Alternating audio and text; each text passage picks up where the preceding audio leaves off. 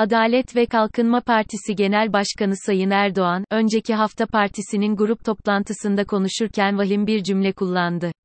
Edirne cezaevinde tutuklu bulunan Selahattin Demirtaş'ı kastederek, Edirne'deki asıl büyük hesabı İmralı'dakine verecek, dedi.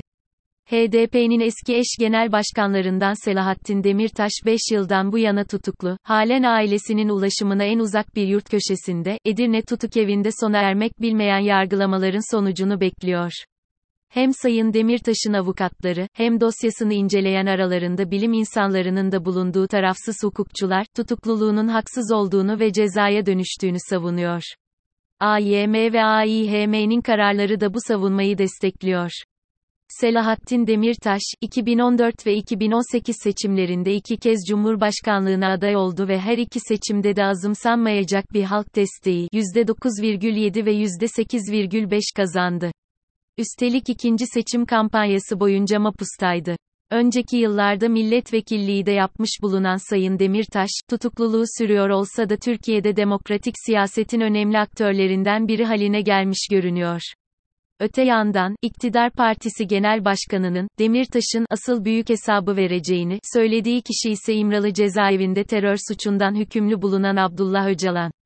Öcalan, PKK örgütünün kurucusu.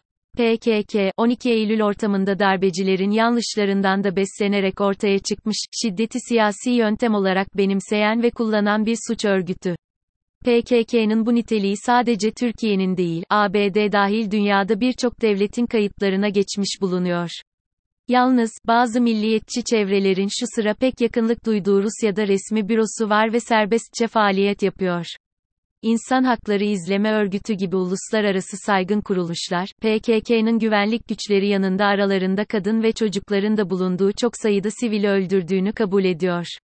Abdullah Öcalan, 1999 yılında uluslararası bir operasyonla yakalanarak Türkiye'ye getirildi ve aynı yıl yapılan yargılaması sonucunda idama mahkum edildi.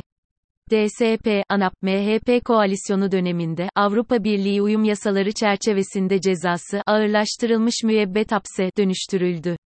İmralı'da cezasını çekiyor. Şimdi, Edirne'deki, asıl büyük hesabı İmralı'dakine verecek, ne demek? Edirne'deki, henüz hakkındaki iddialar kesinleşmemiş, suçluluğu kanıtlanmamış bir insan. Ceza hukukumuzda da geçerli evrensel bir hukuk kuralı olan masumiyet karinesi, presumption of innocence, uyarınca masum. Milletvekilliği, parti genel başkanlığı yapmış, iki kez cumhurbaşkanlığına aday olmuş ve halen aday olmasında sakınca olmayan bir Türkiye Cumhuriyeti yurttaşı. İmralı'daki, bir terör hükümlüsü. Asker sivil, kadın çocuk binlerce ölümden sorumlu tutulan PKK'nın elebaşısı. Edirne'deki, 5 yıldan bu yana, anayasaya göre yargı yetkisine sahip tek merciğinin, mahkemelerin önünde hesap veriyor. Bir de, üstelik, asıl büyük, hesabı, İmralı'da mahkum terör örgütü elebaşısına verecek, ne demek? Bu sözü başka bir siyasi parti başkanı, sözcüsü yahut sıradan bir parti yetkilisi söyleseydi, ülkede nasıl bir kıyamet koparılacağını sanırım herkes tahmin edebilir. Bunu söyleyenin ne Öcalan'la, PKK-YLA işbirliği yaptığı kalırdı, ne teröristleri arkasına alarak başkalarına korku salmaya çalıştığı. Söyleyen parti başkanı ise düşürülmeye, partisi kapatılmaya, milletvekili ise APO'nun adamı olmakla suçlanarak dokunulmazlığı kaldırılmaya kalkışılmaz mıydı? Muhalefet, Erdoğan'ın sözlerini eleştirmekle birlikte bence vahameti yeterince vurgulamadı. Oysa durum, sıradan ve haddini aşmış bir siyasi açıklamadan çok vahim. Çünkü Sayın Erdoğan, sadece bir siyasi partinin genel başkanı değil. Konumunu ve anayasa gereğince ettiği yemini yeterince içselleştirmiş görünmese de, aynı zamanda Cumhurbaşkanı. Cumhurbaşkanı, Türkiye Cumhuriyeti'nin bir yurttaşının, kesinleşmiş cezasını çekmekte olan bir terör hükümlüsüne hesap vereceğini söyler mi, nasıl söyler? Türkiye, terör mahkumlarının yurttaşlara, siyaset adamlarına hesap sormaya kalkabileceği bir dağ başı mıdır? Bir mahkumun bir masuma böyle bir hıncı, hesabı, öfkesi varsa, onun bu hesaplaşma hevesine ulaklık yapmak nedir, kime düşer? İnsan bu sözlerin amacı aşan bir tür, sürçülisan olduğunu, kastın iyi ifade edilemediğini düşünmek istiyor. Ama bu kolay değil. İstanbul'da 2019 Haziran'ında seçim yenilenirken, bütün kural ve, sözde, yasaklar hiçe sayılarak İmralı'dan iktidar lehine mesaj getirildiğini herkes biliyor. Nokta. Yine bu seçimde Abdullah Öcalan'ın kardeşi, kırmızı bültenle aranan Osman Öcalan TRT ekranlarına çıkarılarak iktidar lehine propaganda için kullanılmaya çalışıldı. Bütün bu hamlelerin sonuçsuz kalmasında Demirtaş'ın tutumunun etkisi de biliniyor. Bu arada, Osman Öcalan'ı TRT'ye çıkarmayı akıl edenlerin de, sonra onun kırmızı bültenle arandığını bilmediğini söyleyen devlet büyüklerinin sözlerini de, bir kara mizah örneği olarak buraya not edelim.